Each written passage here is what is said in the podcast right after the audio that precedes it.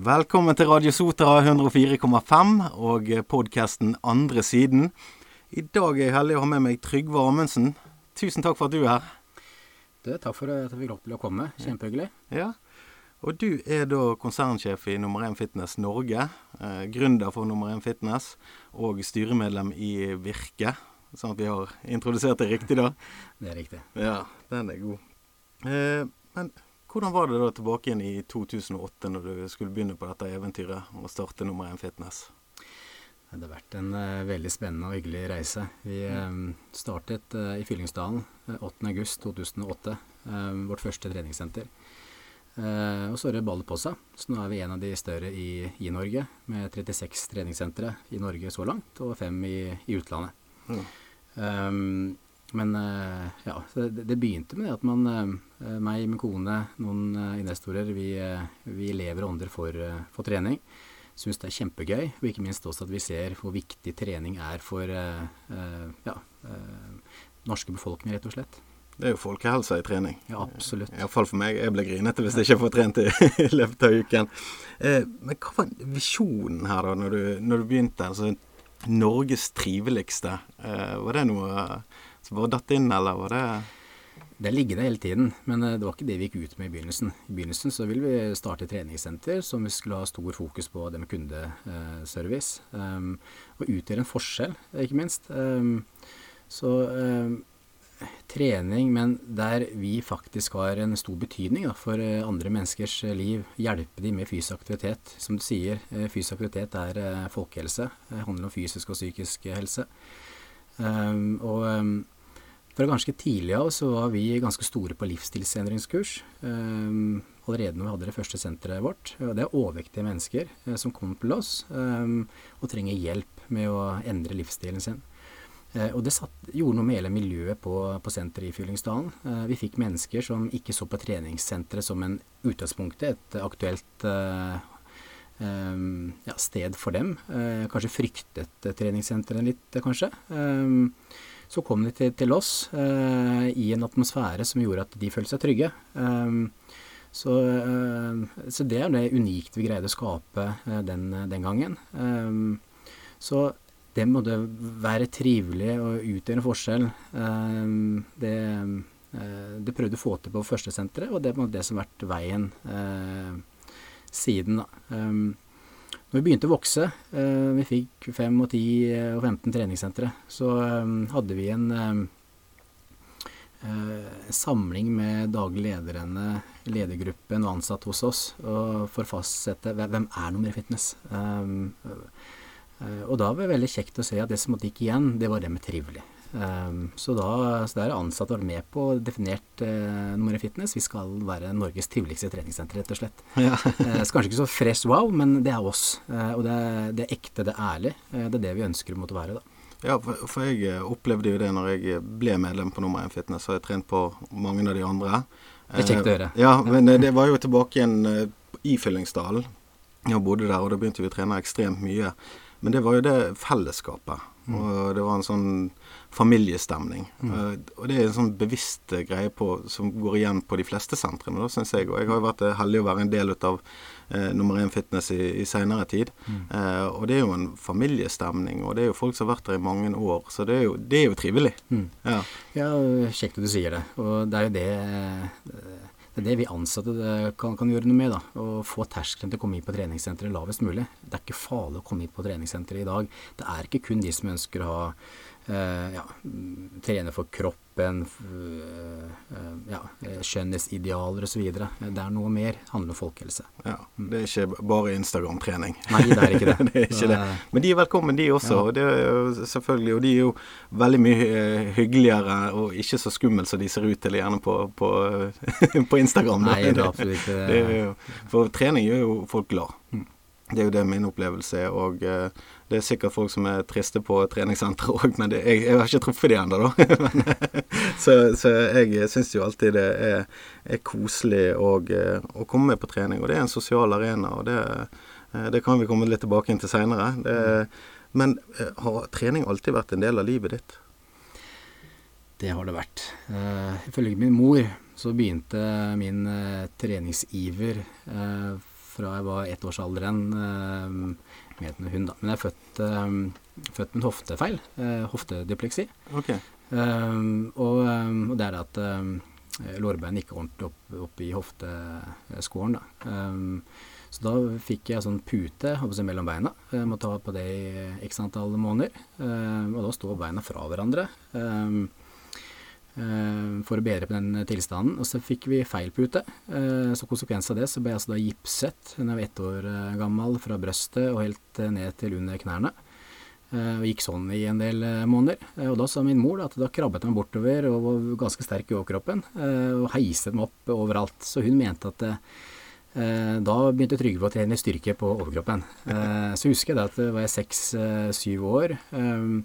Av den feil behandlingen i, i ja, ettårsalderen så blei det en, det, en, eh, ja, en ytterligere hoftefeil, deformering på, på lårbeinet. Eh, så jeg måtte inn og operere. Så de kuttet beinet tvers av, roterte noen grader, og så boltet og hamret. Men da måtte jeg lære å gå på nytt igjen. Og det husker jeg ganske godt i dag, at uh, det med å, med lære å gå igjen, det syns jeg var kjempegøy. Altså den fysioterapitimene, det var uh, istedenfor å ligge i en seng. Så, um, så der begynte også det med treningsbiten. Jeg gleder meg til å ha, ha trening, rett og slett. Um, når jeg lærte måtte å gå, så måtte jeg lære å løpe. Uh, så da bestemte jeg meg for at jeg skal være raskere enn de andre. Og det blei jeg også. Jeg var faktisk ganske rask da jeg var ung.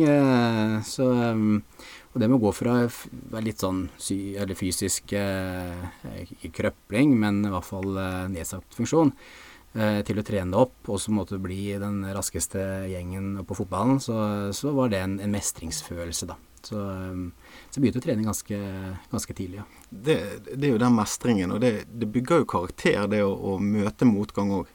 Absolutt. Det gjør det. Har, har, du sett at du på en måte har det med deg? Du er jo en stayer, du er jo en gründer, en bygger, og du, du vil ja, konkurrere mot, mot deg sjøl, da. Det er jo på en måte det du gjør, selv om du Bieffekten med det blir jo at du, du blir god. Jeg tror vi aldri, alle mennesker er satt sammen sånn at man, man setter oss mål, da, eh, større eller mindre grad. Eh, og prøve å nå det. Eh, så, eh, og for mitt vedkommende så er jeg litt Ja, setter jeg meg målene, så skal jeg nå de målene. Um, så det, sånn har det vært fra tidlig eh, barndommen av. Ja, det, jeg syns det er fascinerende. Det er jo som, som et barn òg, å kunne ha den styrken i seg. Og det er jo Jeg tror jo alle har en styrke i seg til å overvinne de eh, motgangene som, som, er i livet, da. Mm. Eh, og på andre siden der så er det mye bra. Mm. Så Eh, og du har jo fått lov til å gi det videre til andre da, med treningen, og du var personlig trener også i mange år. Hvordan er det? Det er jo, det er jo tøff, tøff jobb, egentlig. Sant? Å få opp kundene og bygge tilliten og relasjoner og sånt, men det gir vel mye? Det eh, veldig, veldig mye. Eh, og jeg har ikke hatt noen annen jobb. Altså, jeg har jobbet eh, i eh, byggevarehandel eh, i forbindelse med noen studier osv. i sommerjobber. Men utover det så begynte jeg i treningsbransjen i i år 2000 eh, og vært i treningsbransjen på en måte siden. Da var jeg en eh, ung gutt. Uh, merket det med en gang at vet du hva, her, her føler jeg meg hjemme. Én ting er at vi elsker trening som sjøl, men rett og slett se at du har en stor betydning for andre mennesker. det det syns jeg er rørende og veldig, veldig kjekt. som gjør at en dag i dag også syns at treningssetterbransjen er et fantastisk sted å, å jobbe. møte veldig mange mennesker. Ansatte og kunder. Ja, Og så blir du aldri utlært heller. Nei, absolutt ikke. For det er, jo, det er, jo, dynamisk, og det er jo levende, og det er jo, det er jo eh, utrolig gøy um, um, ja, miljø, rett og slett. Og, det at det, det, er alltid en ny utfordring. Kan alltid bli litt bedre eller skjerpe litt på teknikken. Og, uh, men syns du at det uh, Jeg tenker jo på meg sjøl som når, når, jeg var mye skadet etter å ha spilt fotball, og prøvde å spille fotball etter jeg var skadet og sånt. Mm. Eh, men da så jeg at det gikk ikke lenger. Men så brukte, eh, var jeg til muskelterapeut, og han hjalp med øvelser og sånn. Eh, og det var jo en investering. Mm. Men jeg bruker mer penger på bilen enn på, på kroppen min. Mm. Så det er jo kanskje litt eh, viktig også å bruke Det er jo folk til å hjelpe deg når du kommer inn på et treningssenter. Jeg tenker det er snart, snart i januar og sånt. Så eh, hvis man helt, eh, føler seg helt grønn, da, så mm. er det muligheter for å hjelpe. Og det er jo det og jeg syns folk må være mye flinkere til å vare på, på seg sjøl. Mm. Som du sier, mange bruker penger på eh, materialistiske ting. På flott sofa, hus, bil eh, osv. Eh, puster opp kjøkken og ikke måte på hva man, eh, hva man legger penger inn i. da. Eh, men så er man kanskje litt for dårlig til å prioritere seg sjøl, eh, sin egen fysiske og psykiske helse. Treningssenteret er ikke dyrt i dag. Personlige trenere er mange som bruker, men også andre arenaer òg, som er viktig for fysisk og psykisk helse. Det kan være en, en coach, annen type samtalepartner. Men finn det som er riktig for, for deg, da, aktiviteten som du trives med. og, og Bruk litt penger på deg sjøl også. Det tror jeg all, flere skulle Ja. Flere skulle ta seg råd til det. Jeg er helt enig, og jeg har jo drevet med coaching og møtt mennesker som har hatt mye fokus på det materialistiske. Mm. Og det behovet forsvant jo etter hvert som man jobbet innover. Mm. Og ble glad i seg sjøl og, og, og, ga ting til seg sjøl, da. Mm. Uh, det, og da blir man bedre for andre også. Mm. Så ja. Men nå datt vi litt ut her, men vi, vi snakka oss litt, litt, rundt, så. Men, men, du har jo vært gründer nå, og uh, du har holdt på i Jeg var jo med på tiårsjubileum, nå er det tolv år ja. du har holdt på. Mm. Uh, du har skapt en hel haug med arbeidsplasser, og du har fått mange sentre. og hvordan, hvordan oppbevarer du sulten? Det er nå én ting, men er ikke det en viss stolthet òg over å få til disse tingene? Jo visst er man stolt. Selv om det er et lagspill men, etter hvert med så mange som du har? Ja. ansatt?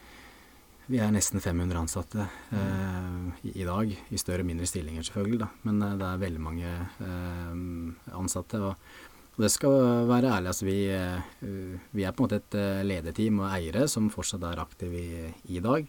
Uh, men vi hadde ikke vært på nærheten av der vi er i dag uten ansatte våre. Altså, du må ansette folk som er flinkere enn deg sjøl. altså det er, og det føler jeg på det, det vi har gjort hele veien. Eh, og så må vi oppriktig bry oss om ansatte eh, og den jobben de, de, de, gjør. Så takket være ansatte som har gjort, og, og medeiere og medledere, som har gjort at vi kunne hatt den veksten som det vi har hatt, hatt så langt. Da. Vi hadde ikke greid det alene. For det har jo gått fort i svingene òg med å skape sentre og bygge nytt. Og, hvordan er det på, på, time management for deg? Hvordan klarer du å holde kalenderen eh, åpen for, for, for å gi til deg sjøl også, oppi det, når det går sånn i, i 100?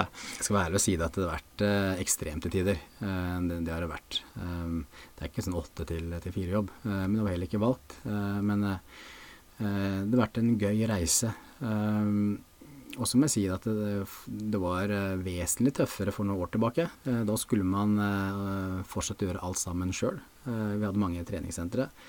Så da var det var, jeg på balansen til hva man egentlig kunne både takle og, og, tåle. Da. Nå er vi i en annen situasjon. Nå har vi veldig mange mennesker i organisasjonen vår. Vi har en driftorganisasjon. Og dyktige mennesker, ikke minst. Så det er mindre på meg i dag. Så selv om det er selvfølgelig fortsatt 100 eh, jobb pluss, pluss, pluss. Eh, det skal være å si det. Ja, altså, Det ble jo en personlig reise og firmareisen, da. Men jeg tenker jo ofte sånn eh, Hvis jeg hadde vært i dine sko, da, så mm. tenker jeg det, det er babyen min, og jeg har vært med og bygge dette. Og hvordan var det da når du ser at OK, uff, kanskje jeg må begynne å delegere litt utover, og ja, jeg må ja, få inn litt folk eh, til å avlaste og den biten. Ja, Jeg har ikke hatt problemer med å gi danserår til, til andre. For her er babyen ikke bare min baby, det er baby til veldig mange andre også. Vi har ansatte som har vært med siden 2008. Det er like mye deres eh, baby. Og de, selv om ikke det er på eiersiden, så føler jeg på en måte de, de, de, tenker det samme. Eh, de har vært med på å bygge Nummer Fitness opp, og føler oppriktig at eh, Nummer Fitness er en del av de. Og det er det selvfølgelig. Så det er den det samspillet der mellom dyktige ansatte eh, som gjør at vi, vi, er der i dag. Da. Ja, ja altså god, god, kultur, da. Ja, absolutt, det, for dette, det, er jo en raushet der. Og en raushet for hverandre i, oppi det også. Sant? Og så kunne ja, jeg stole på deg, og vi bygger dette sammen. Det, ja, jeg synes det, ja, det var gøy å være en del av, og uh, det er gøy fremdeles å trene. Ja, det, det syns jeg. Um, men du har jo gjort mye, hatt mye stort sosialt engasjement også. Du har gjort mye i Team Rynkeby, og du er med på mange eh, ja, mye, mye arenaer for, for, andre mennesker også. Eh, hva, hva, Har det alltid vært en del av deg, det sosiale engasjementet? Altså for kreftsak og for Ja. Jo, og jeg skal ikke ta personlig kreditt for, for, det, men det er, det er, et engasjement vi har hatt eh, på sentrene våre eh, gjennom medeiere og andre ansatte også. At ikke vi Um, vi ønsker å gjøre en forskjell på folk fysisk og psykisk helse. Og det er mer enn bare trening. Men å bruke treningsfasilitetene, møteplassen, eh, til å hjelpe andre mennesker i andre enden, det, det er noe vi selvfølgelig verdsetter uh, mye. Og vært, uh, ja, vi har hatt en del uh, samarbeidsprosjekter opp igjennom. jeg husker det var noen år tilbake vi ble kontaktet av noen som drev veldedighet i um, Putsa Tsjernobyl. Uh, så da dro jeg og Trond Balestrand, en kollega med medeier, reiste ned dit fordi det var veldig mye alkohol. altså Alkoholen er billigere enn melk, rett og slett. og så bor de også i et område der man egentlig ikke skal bo, som er egentlig definert som område der, det er farlig måte å bli oppvokst og, og bo. da. men der prøvde jeg å finne aktiviteter eh, for å få folk vekk, eller barn, eh, unge, vekk fra alkoholen. Ehm, så vi eh, skulle bygge på et treningssenter for, for det. Så det var gammelt utstyr som ikke var godt nok for, for oss i Norge kommersielt, men mer enn godt nok for, for, for mosjonister og privatpersoner, ikke minst. Da. Så da vi, reiste vi ned dit. Bare se hvor hvor tøft andre mennesker har det, rett og slett. Og i de områdene. Eh, man skal ikke dyrke jordet der, for det, det, jorden er jo forurenset av Tsjernobyl-ulykken. Alle dyrker jo mat der. Det er den eneste muligheten de, de har. Um, og, så det var ganske rørende. Vi besøkte barnehjemsbarn som også hadde det tøft. Men de tok allikevel ganske bra vare på hverandre, da. Men eh, den gleden i øynene deres når de fikk eh, et treningsrom da, um, De begynte med én gang å, løfte, uh, ikke sant. Så nei, det var en rørende reise, rett og slett. Det er også Man ser at man kan gjøre veldig lite for å bety veldig mye da, for, for en del mennesker. Ja, for det er jo ikke de store tingene gjerne som det er jo, Høydepunktene kommer jo, men det er jo de små tingene underveis. Så det er jo trening er jo veldig universalt mm. på den måten òg. Mm, Litt grann hver dag, så blir det veldig bra eh, til slutt. Um, men eh, nå har du òg begynt å bevege deg inn på Huseklepp Arena, så jeg her. Ja. Hva, hva, er det? Enda et nytt eh, prosjekt der, eller? Det er en fotballhall i Åsane. Ja. Ja, nei, det er sånn Man kan jo si at det er litt sånn på siden. Men uh, vet du hva, trening, det er uh, bevegelse. Det er, uh, det er helse. Um, og fotball, det er gøy. Det er min fritidssyssel også. Men min sønn, han er åtte år, 8 år, han er veldig flink og ivrig i fotball. Så han går på et akademi der.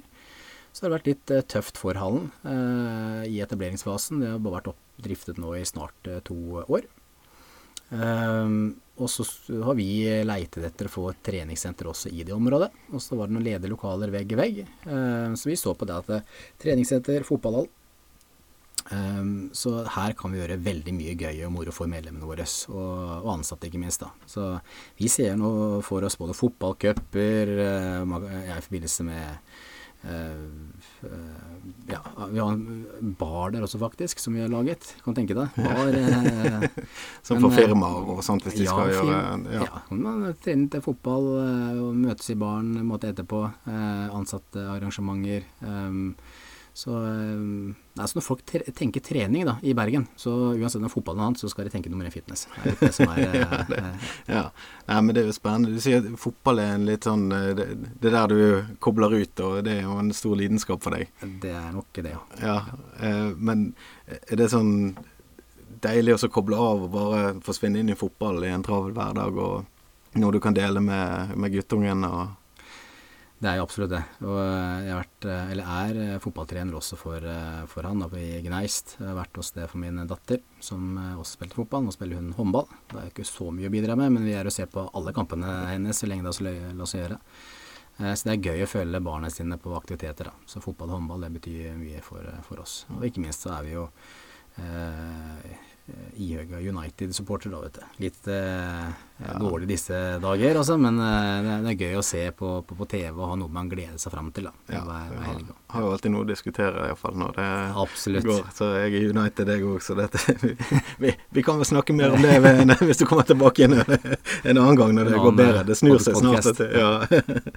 Eh, men så kom mars ja. i år. Det har vært en tung tid eh, for mange. Og eh, også for treningssenterbransjen. Hvordan, hvordan var dette å oppleve som en som sitter med 500 ansatte og mange treningssentre, som betyr veldig mye for veldig mange mennesker? Vet du hva, eh, i dag, da. Det er ikke mange bransjer eh, som har blitt stengt ned i høysesong. Altså eh, høysesong i treningsbransjen er fra januar til eh, april, så vi ble stengt ned i begynnelsen av mars. Så vi ble stengt ned i høysesong. Og så fikk vi lov til å åpne opp igjen i lavsesong, altså 15. juni. Eh, og så blir vi stengt ned igjen når høysesongen skal måtte begynne. Så at det har vært veldig tøft for treningsbransjen, helt helt klart. Men tilbake igjen i, i, mars, så var jo det her noe nytt. Vi visste jo ikke helt hva korona eller covid-19 var, hva er dette for noe. Så vi alle tror jeg var innforstått med at her må vi alle sammen måtte bidra. og og det blei jo nedstenging, Uh, og jeg var helt enig i det valget der, når ting var uoversiktlig. og jeg syns myndighetene taklet det på en, på en, god måte. Og så gikk tiden, eh, og så merker vi at andre bedrifter fikk åpne opp. Treningssentrene var en av få bransjer som ikke fikk lov til å åpne opp. Da begynte vi å reagere litt. Og vi, Eh, vi mente sjøl at vi kunne være flink med å innføre smitteverntiltak, og kanskje bedre smitteverntiltak enn en del andre eh, butikker og bedrifter. Så mente vi at treningsbransjen er en viktig arena for folkehelsen. Det er noe Helsedirektoratet også, også sier. Så litt i sammenligning med vanlige butikker. Man kan gå og prøve klær, man kan ta på klærne, man kan ta på kleshengere osv. Man kan ikke gå rundt og desinfisere alle klær og alt det man tar på i, i butikkene. Men det kan man i stor grad på treningssentrene. Eh, vi vet kontaktflaten, vet håndtak hvor man tar henne, og vi har eh, antibac-dispensere eh, rundt om overalt. I tillegg så har vi ansatte som går rundt og renholder hyppig i forhold til den bransjestandarden vi utarbeidet sammen med Virketrening. Og vi mente også at vi Var ikke den strengere enn folk. Ja, enn myndighetene satt inn, egentlig? Og det jo noe i bransjen ønsket sjøl også, eh, for å ta en del av eh, den jeg, dugnaden, eller få lov til å holde oppe. Eh, så vi følte sjøl at vi kunne gjøre så veldig mye bra, og sett opp med at vi er en viktig aktør da, i folkehelseperspektiv, så mente vi at vi kunne åpne opp, vi også. Så tok det veldig lang tid. Vi fikk altså ikke lov å åpne før 15.6 lang tid etter eh, andre eh, ja, bedrifter som fikk åpnet opp. da. Eh, men ok, da fikk vi jo åpnet opp, i alle fall. Men i våres, som jeg pleier å si, altså da, da synset man litt. Da, men visste ikke treningssentre versus andre butikker og sånn. Og så kommer vi altså nå i høst, og så har vi en rekke fakta på, på bordet. Um, vi trodde overhodet ikke at de skulle bli stengt ned nå igjen. Um, til det så um, av Virke sine, eh, eller Norges syv største treningssenterkjeder i Norge, så har det vært altså åtte millioner besøk siden 15.6. juni. Og eh, det er kun eh, funnet ett eh, forekomst av smitte eh, på ett senter på Østlandet, og det var mellom to kollegaer. Um, og så er, vet man i Norge så er det en del ukjente smitteveier og sånn også. men treningsbransjen har fått veldig mye skryt. man kan altså ikke nå eh, dokumentere at eh, treningsbransjen har vært en del av den smittespredningen. Og når smittesporene står der og skal finne ut og, og kryssforhør osv., så, videre, så, så er man ganske sikker nå, når man ikke finner noe som helst sammenheng inn mot treningsbransjen, at treningsbransjen måtte vært kjempeflinke. Så har vi den fordelen også at man, eh, de som går og trener på treningssenter, de er som regel friske. Altså alle vet at er man eh, eh ikke helt i form, da trener man ikke, for da blir man dårligere. Så det ligger også i naturen til, til de som trener på, på treningssenter. Så, så smitteverntiltaket som bransjen har gjort, har vært veldig bra. Men vi eh, Virke var jo i, i samtale med Folkeinstituttet nå om å gjøre ting ytterligere strengere. og Det gikk på det med å begrense ytterligere eh, antall personer i sal, gruppetreningstimene, ytterligere befolkning, altså medlemmer i generelt på hele senteret.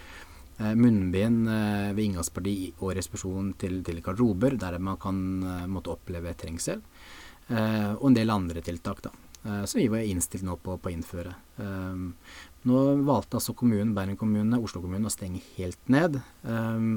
Vi har Europe Active, en internasjonal organisasjon, som har også gjort en undersøkelse nå nylig som, de går på 14 uh, forskjellige land i Europa. Og det er land som har vesentlig større smittepress enn i Norge. Tettere befolkning og ja. Helt riktig. ikke sant? Eh, og det av 62 millioner besøk i deres eh, eh, rapport, så der også kunne de finne ekstremt lav smittespredning. At treningssenteret ikke var en del av smittespredningsarenaene. Så de går såpass langt og, sier at treningssenter er en viktig aktør, hold det åpent. Eh, viktig aktør i folkehelseperspektiv, og ikke minst skal være med på å bekjempe sykdommer, livsstilssykdommer, som er alvorlig for de som eventuelt får covid-19. Så for å altså bekjempe covid-19, så anbefaler de å ha åpent treningssentre. Um, men i Norge altså, så velger man altså da stenge ned uten noe tallgrunnlag. Det er altså et uh, litt sånn synsing på at det, er et møteplass. Men vi mener at vi har vært flinke til å holde én og to meter avstand. Vi har ansatte som følger dette her opp. Mm.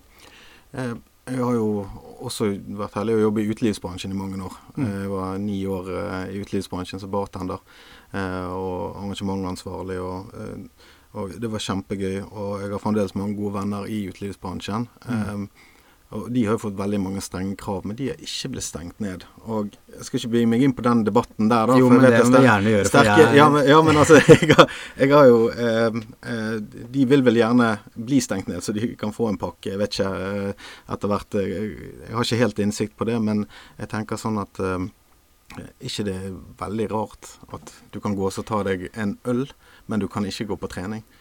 Det, det, det, harmonerer ikke bra for de Nei, fleste jeg prater med. De som jeg snakker med, lurer på hva, hva er det som skjer her. Det, det er ikke rasjonelt. I Oslo så stengte man da ned eh, nærmest alt. I Bergen så har de altså valgt å holde um, barer utseende åpent, eh, dog under strenge restriksjoner. Jeg syns veldig synd på de også. Ja da, jeg, det er det jeg mener, at det er veldig omtanke for, for de. Så det er ikke det at det, det er ikke noe for å snakke ned de, men det, det er bare prioritering mot, mot opp, opp mot hverandre. ja. Og når Bærum kommune appåtil greier å begrunne avgjørelsene med psykisk helse, at det er viktig at arenaen der folk skal møtes i en tøff tid, så da, da måtte jeg riste på huet. Eh, for det er jo nettopp det vi er. Det er også Helsedirektoratet eh, har jo også gått god for treningsbransjen opp eh, gjennom at vi er en viktig folkehelseaktør. Så den skjønner jeg overhodet ikke. og jeg vi prater med så mange kunder. Nå er det på Soterdag, og Vestnytt hadde jo en uh, fantastisk flott artikkel, syns vi, da, for noen, dager siden, og der de intervjuet fire kunder. hvorav tre av de var medlem hos oss. hun ene het Berit, hun var 82 år gammel. Um, og, um, og dårlig til beins, astma. Uh, og da hun forteller hvor viktig treningssenteret er for henne. Uh, for uh, hennes fysiske form og den møteplassen. Vi hadde en flott sak i Askøyværingen. det var en som het Einar, 84 år. han sa at håpen er med kortvarig nedstenging for trening. Når han er så gammel som, det han er, som han sa, så betyr trening alt. Um, det er takket være trening hans på Askøy tre ganger i uken som han sier at det, er grunnen til at han kan bo alene hjemme i, i dag. Um, vi har en, eh, også en kunde på et av sentrene våre. Um, jeg trenger ikke si hvor, hvor men uh, uh, han er tørrlagt alkoholiker. Um, en voksen kar. Tørrlagt i over to år. Uh, og han eh, Altså miljøet på, på senteret betydde alt for, eh, for han. Eh, møte si, vennene, kompisene tre ganger i uken. Han var kjempeflink. Kom inn i helt gode vaner og var så tørrlagt altså i, i, i, to år. Så ble stengt ned i, i, mars. Og nå dessverre så går det ikke så, så bra med, med, med, han, da. Så vi skal gjøre det vi kan for å få han måte, inn igjen. Men det er, det er, så mye her som, sånn, som ikke man tenk, tenker over, og det her savner jeg myndighetene sine um, mer en helhetlig tankegang. Altså på, på den ene siden um, hva skal man gjøre for å begrense smittespredningen på, av covid-19 på en best mulig måte? Det er vi helt enige i, så det må vi måtte tenke på. Men også tenk på den andre siden. Hva kan man Eh, hvilke konsekvenser medfører den nedstengningen eh, på andre helserelaterte problemstillinger også, deriblant psykisk eh, helse og fysisk, med, med tanke på vondter, skader eh, osv. Eh, kan man ikke her heller sørge for å tilrettelegge arenaer Eh, der vi greier å ivareta eh, befolkningen på en mye bedre måte enn det man gjør i stedet alt beburet eh, inne. Man får ikke lov til å bevege seg. Så der er jeg ganske uenig. Og jeg vet er treningsbransjen, de aller fleste aktørene i dag, de er flinke. Vi tar smittevern på stort alvor. For og det som er frustrerende, det er at jeg har delt disse historiene på Facebook, sosiale medier, og vi får bred støtte. Uh, og så tror jeg på en måte, det er viktig med debatt. da. Uh, og jeg har ingen problemer med å være uenig, enig ikke sant? Med, med de jeg debatterer med. Men det må være rom for debatt. Uh, jeg får også tilbakemeldinger når jeg har vært kritisk til å stenge ned treningsbransjen. Så, så jeg har fått tilbakemeldinger og kommentarer på at det, er ikke noe rart. Du tenker på, du, tenker på pengene dine. Um, for, hva, var det du sier for noe? Altså, det, det, handler ikke om det. Altså, det handler om at det, de, det er de medlemmene eh, prater med hver, hver, eneste dag. Selvfølgelig er det kjipt økonomisk for selskapene våre, men, men, vi tenker på ansatte. Eh, det er tross alt jobben deres. Men vi tenker så mye på medlemmer også, som vi vet at vi som er ekstremt frustrert. Eh, da vi igjen er en veldig viktig del av livet til, til medlemmene våre. Så det med å kunne ta en debatt, iallfall, prate ut om tingene og prøve å finne minnelige løsninger på hvordan skal vi sammen eh, håndtere en pandemi på en best mulig måte, eh, men samtidig opprettholde fysisk og psykisk helse. Det må være mulighet til å ha flere tanker i hodet på, på en gang, og ikke minst ha, ta debattene ute av at man slenger drit til hverandre. nå er det en litt sånn koronapoliti ute der og går, der man skal være stygg med naboen hvis man er uenig. og så jeg liker ikke helt den utviklingen. da. Nei, jeg, jeg, er veldig opptatt av det. Vi skal ikke skamme folk. Nei. Sant? Og det er jo blitt eh, litt grann sånn nå studentene fikk det. Mm. Selv om de fleste studentene oppførte seg veldig, mm. veldig bra. De prøvde å tilpasse seg, de var ute i parker og sånt. Så har de fått veldig mye kritikk. Sant? Det er unge mennesker, nye i byer og sånt, og, og de har fått kritikk. Sant? Og mye skamming. Og så var det dette her med de som valgte å reise til Syden i forhold til anbefalingene og sånt. Jeg har ikke noen mening om akkurat den saken, mm. men vi må kunne ha en, en konstruktiv samtale. Det, det syns jeg er veldig jeg er viktig. Eh, og litt av det du nevner om det å ha to tanker i hodet, det, det tror jeg er veldig viktig. For det, eh, litt sånn som jeg er redd for Først og fremst så tenker jeg vi selvfølgelig skal ivareta risikogruppene, mm. og hvordan de skal følges opp best mulig. Det er det, det, det, aller viktigste. Det tror jeg alle er enige om. Alle er enige om det. Så er det andre eh, barn og ungdom. Eh, og, og, unge voksne, da, tenker jeg, som, eh, som, kan være sårbare ved isolasjon og de tingene som, som kommer ut ifra det. Det vet vi. Eh, vi vet ennå ikke den menneskelige prisen her, eh, ut ifra de tiltakene som, er skjedd.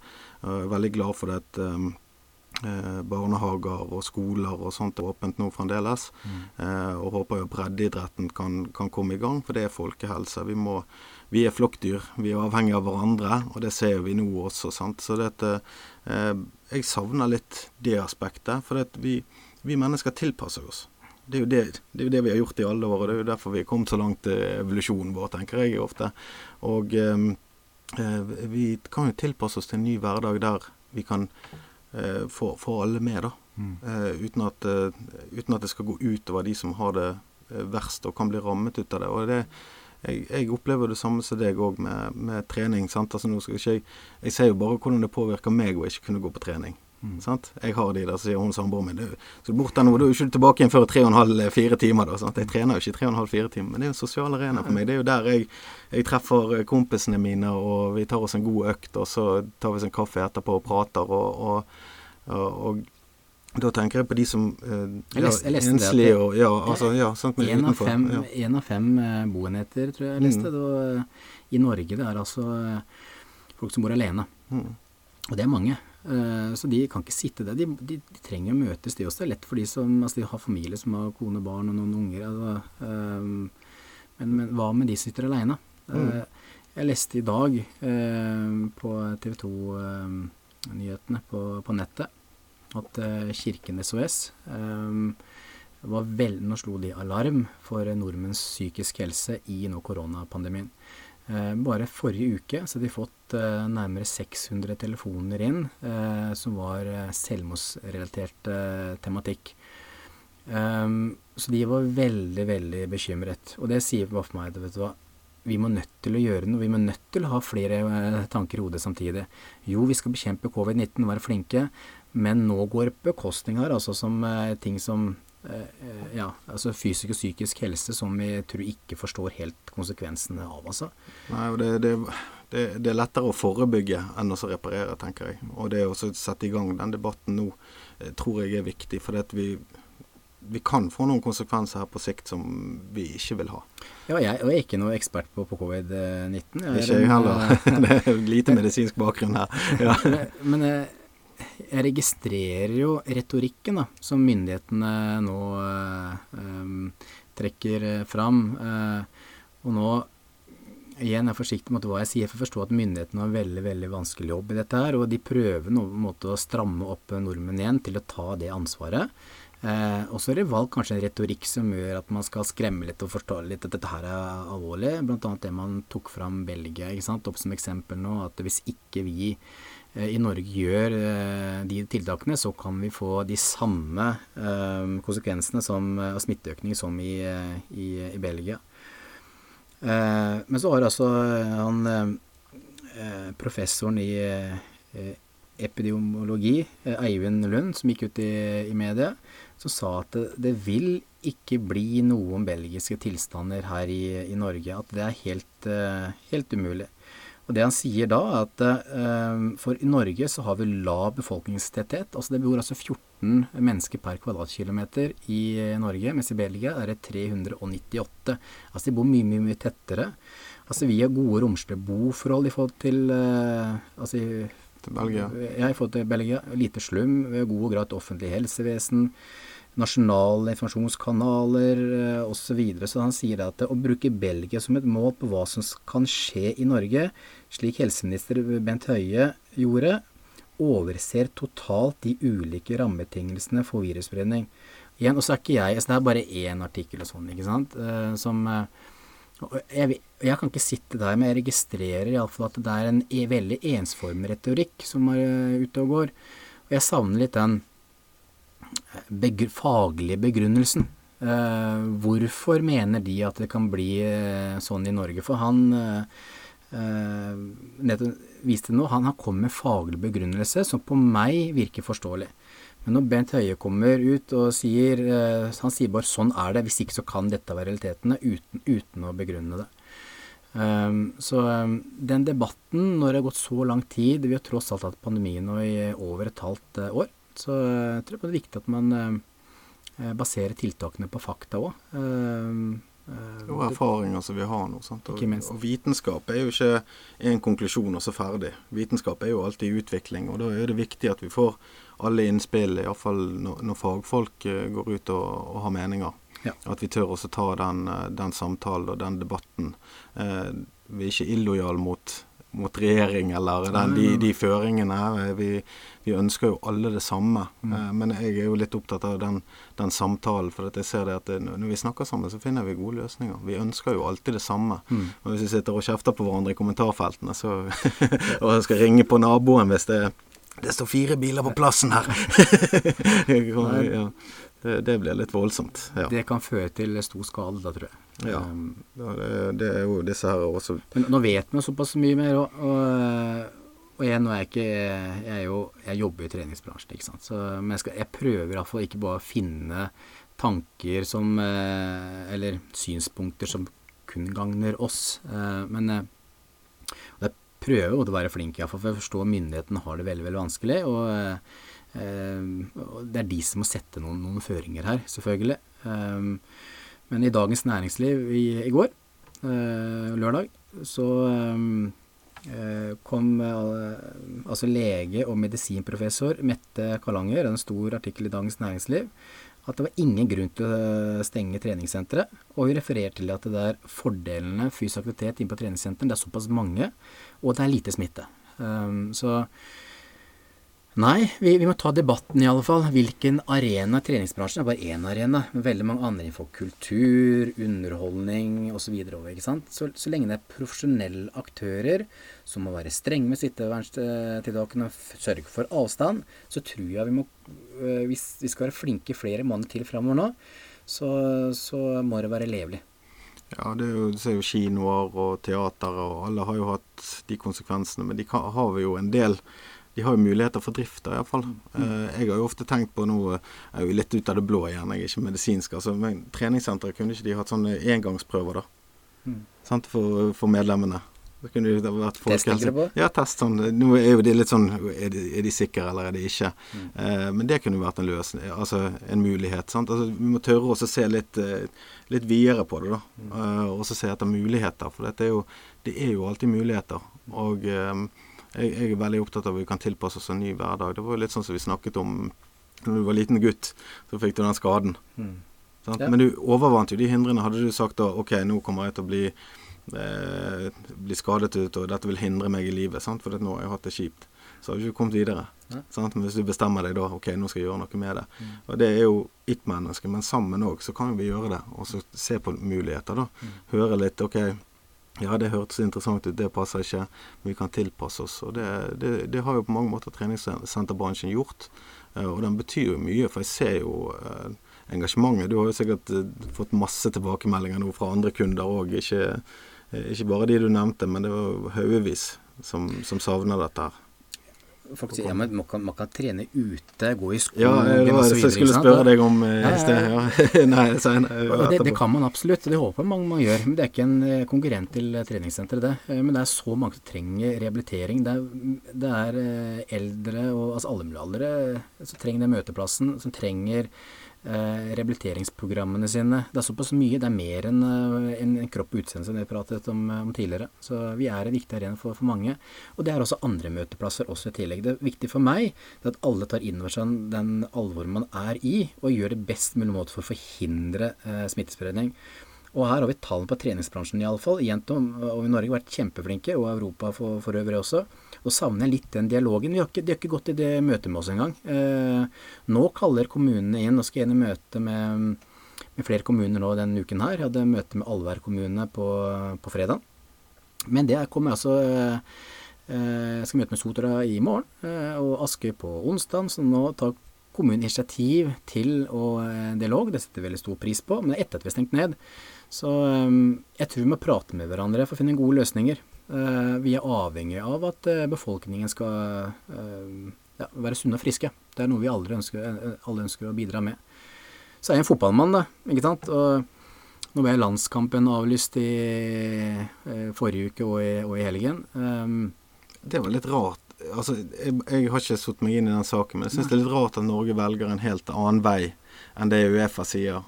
Eh, altså det de andre, si ja. Som eneste land i Europa. Så det syns jeg er litt rart. De er jo i en boble, sånn som jeg har forstått det iallfall. Og her tenker jeg, ikke sant, for det være likhet for loven. ikke sant, at kan, man, man, kan ikke gjøre unntak for fotballspillere, for andre mennesker i samfunnet for, for, øvrig. Så man kan nå velge å ta posisjon om at vet du hva, her er det lovverket som måtte gjelder, eh, og man ikke skulle Men kan man ikke i en pandemi tenke hvor viktig Nei, altså fotball er ikke viktig når det handler om liv og død. Altså overhodet ikke. Da er fotball helt irrelevant. Eh, men når de har så strenge protokoller som det fotball, altså profesjonelle fotballag og landslag har på en måte i dag, de blir altså testet flere ganger, i uken. Eh, nå føler jeg på en måte myndighetene sier at ja, selv om det var strengt, adda bada, så ble det likevel eh, en positiv test, viser at det ikke er bunnsolid nok. Men det jeg tenker er at vet du hva, de bidrar med i forhindre smitte. For at vet du hva, de, de tester seg, det jeg har forstått, nesten annenhver dag. Så de kan altså ta en smittespredning, eh, en potensiell smittespredning på en veldig tidlig tidspunkt og, og, og isolere mot vedkommende. Jeg tenker at eh, når du tar en, så må du egentlig hylle det. At det var flott, å vise at systemet fungerer. For man kan ikke gå i en pandemi. Det er ingen fotballspillere rundt om i hele Norge. De er jo vanlige folk til ferdes og eh, litt rundt omkring de også. Ja, bevegelsesfrihet innenfor de rammene iallfall som er nå. Og, og være med på lag, da. Og, og det med Jeg bare ser Nei, fotball er ikke så viktig, da. Men jeg har også en, en sønn, som jeg nevnte til innledningsvis, på åtte år, som, der fotball er, betyr ekstremt mye for han. Vi hadde altså en fotballcup forrige helg som han avlyste, ikke sant. Eh, av eh, man får ikke lov til å spille kamper mot hverandre, men får lov til å trene, da. Og han var jo så lei seg, ikke sant. Eh, men det prater vi om, og så går det selvfølgelig over. Eh, og så gleder han seg til landskampene, ikke sant. Og så eh, blir det også måtte, avlyst. Kjedelig for pappa, og enda kjedeligere for, for, for han. Jeg tenker bare at man istedenfor paragrafryttere, eh, når fotballen har vært så flinke som det de har, alle andre europeiske land gjennomfører dette her, så eh, tenker jeg heller at i en pandemi prøv å gjøre litt kjekk for, kjekt for visse, altså de som liker fotball og andre, også, at de gjennomfører ja. det som kan gjennomføres. For at man ser på TV at det lite, lite lyspunkt da, i en tøff hverdag. Ja, du ser det for folk som liker film, f.eks. Det kommer ikke ut nye filmer nå, sant. Nei. For dette, det, de holder de tilbake igjen. James Bond-filmen nå eh, sist også. Sånn. Uh, nei, eh, det det var jo sånn som vi snakket om, det er de små tingene. Mm. Og kanskje det, det, er lett å avfeie det som fotball er ikke viktig, ikke sånn. Ja, men det er de små glemmer tingene. Man, det er det, glemmer de man pandemien i de to timene eh, ikke mm. sant, på, på TV-en. For det er jo overveldende hvor mye covid-19 tar, eh, selvfølgelig. Det er på nyhetene hele tiden. Ja. Eh, vi får hver eneste dag vet smittespredning, tall osv. Så, videre. så og det viser en fotballkamp noe som er så uviktig i utgangspunktet, men som er en stor del eh, av eh, veldig mange i Norge, får den avkoblingen. Jeg tror det er viktig for psykisk helse. Altså. Ja, jeg tror, og, og det går an, som vi snakket om, å ha flere tanker i hodet samtidig. Og det, det, det, det, det syns jeg. Og, og apropos nyheter og sånt, jeg syns det blir for mye trykk, altså. Jeg har måttet bare koble ut litt. Altså. Jeg kan ikke følge med på alt. For dette, jeg merket det i mars, når jeg uh, virkelig fulgte med, at jeg ble jo helt uh, nervøs. Altså, du jobber jo med her òg, ikke sant? Ja, jeg jobber med psykisk helse, og de tingene som Og jeg vet hvor mye det, det påvirker. Eh, tilbud ble stengt ned, og eh, jeg mener jo at vi skulle strebet etter å holde ting åpent. Mm. Ikke alltid vi kan holde ting åpent, men det burde være det vi jobbet for. Mm. Hvordan kan vi tilpasse dette her mm. for at vi har muligheter og, og For vi vet jo ikke om dette går over. Sant? Altså Vi kan si nå, nå jobber vi frem mot jul. Jeg håper virkelig at den dugnaden virker. Eh, men hvem skal si det at det ikke kommer tilbake igjen i februar? Altså Vi, vi må tilpasse en ny hverdag, eh, og det er krevende. Eh, men altså stenge ned Jeg tenker på de eh, Dette kan jo kanskje du litt mer om enn meg, da. men i mitt hode. Jeg er ikke finansmann heller, ikke medisinbakgrunn, men jeg har jo mine tanker. Hva skjer hvis vi permitterer hele Norge nå, og bransjer går nedenom og hjem? Samfunnsøkonomien. Hvordan blir det da når folk ikke kan betale lånene sine? Eh, når folk går oppå hverandre? Ledighet. Eh, eh, en liten sånn tanke, tankekors også. Det er rekordtall på Vinmonopolet. Mm.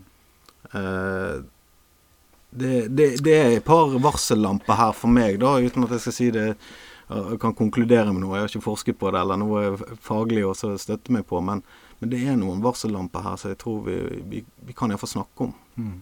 Hva tenker du, eh, som har mange ansatte, og vi ser folk gå ned i lønn. Eh, mange familier går gjerne ned 30 eh, i lønn, sant? eller over det.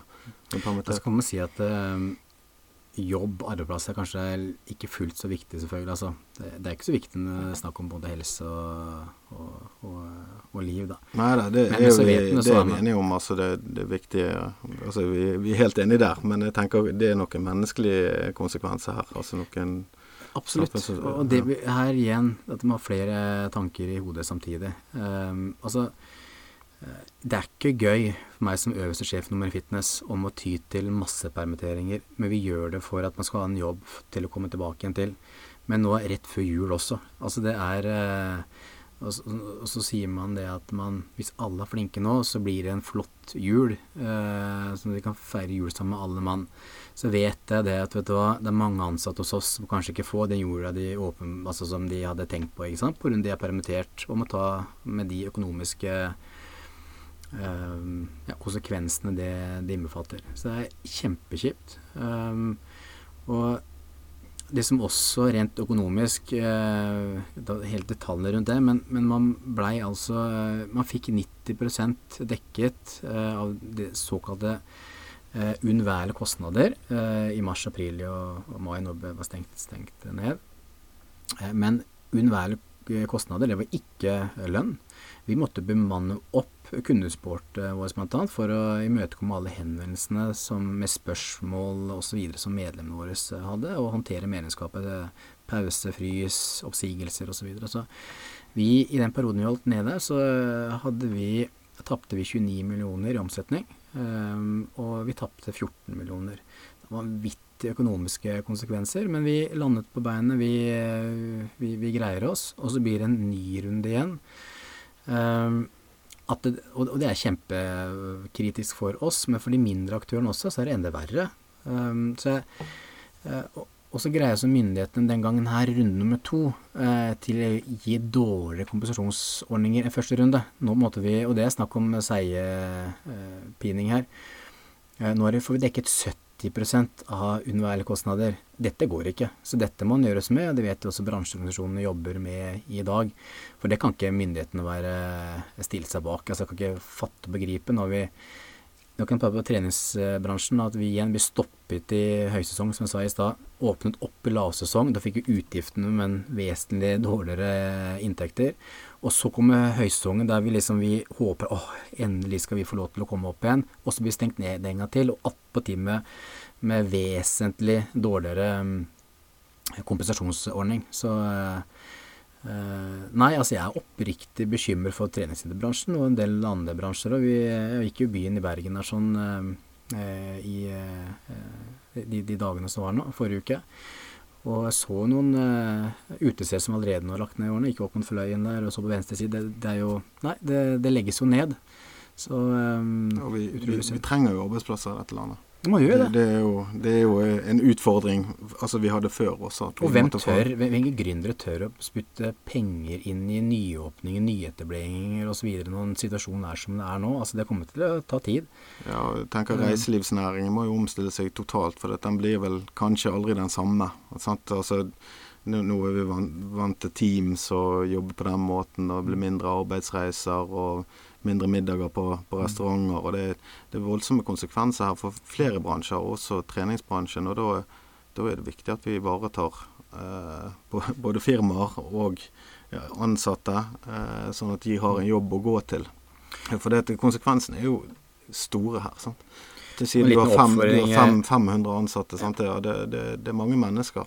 En liten oppfordring eh, til alle lytterne. Her nå da, det er ikke kjøp nå varer utenlandsk over nett osv. Altså, det man kan gjøre nå, besøk eller kjøp online eh, ting da på, på, de lokale butikken. Eh, hvis man føler seg trygg, ikke er risikogruppen, gå nå på en, en restaurant. Jeg var Forrige helg så var meg og min kone vi var på hva heter det for 1877. Fantastisk restaurant nede i Bergen i sentrum jeg følte meg så trygg. Eh, de som serverte, gikk med munnbind. Vi gikk med munnbind hvis vi måtte på eh, toalettet, med god avstand mellom eh, bordene. Eh, sprit eh, var tilgjengelig for desinfisering. Eh, så derfor jeg følte meg så trygg. Jeg hadde en fantastisk kveldsdate med min vakre kone. Det er viktig å ivareta kjærligheten også oppi det dette. Um, så det er en oppfordring å komme med at man bruk nå eh, lokal næringsliv. Eh, støtt de. Eh, ikke la pengene gå ut av eh, Norges grenser i den ja, tiden vi er i nå. Her har vi på Sotra så er det støtt lokalt. Det er en veldig stor kampanje også. så det, det, vi må støtte opp om. Jeg syns det trekker frem de spisekrokene her nede på, på senteret som virkelig tilpasser seg. De har hjemmelevering, og de er flinke i sosiale medier. og det, det viser jo det at vi må tilpasse oss. Det er jo treningssenterbransjen også, selv om vi ikke får gjort det på samme, samme måten som før. Så er det hjemmetrening. Det er mange eh, engasjerte instruktører som lager flotte videoer, og, og der man kan følge hjemmefra.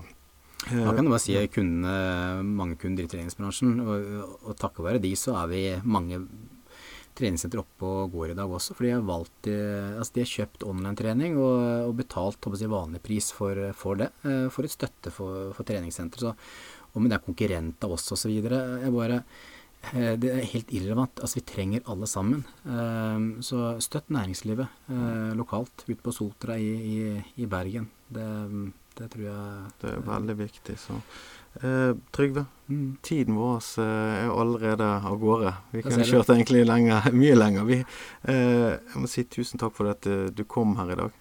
Eh, det var veldig, veldig hyggelig og veldig spennende å høre på deg. I like måte, André. Da, ja. sant, Kjempekjekt. Ja. Du var flink. Eh, jeg gleder meg til å høre de andre episodene i podkasten også. Ja, og de finner du på YouTube-kanal Andre Siden pod. Eh, du kan følge oss på følge podden på Instagram, Andre Siden pod, og like oss på Facebook på Andre Siden. Du minner også om konkurransen fra Magasin Jøng, der du kan vinne gavekort på 500 kroner hvis du liker eh, Instagram- eller Facebook-siden vår. Eh, og så er vi tilbake igjen eh, neste uke. Tusen takk igjen, Trygve. Takk for oss.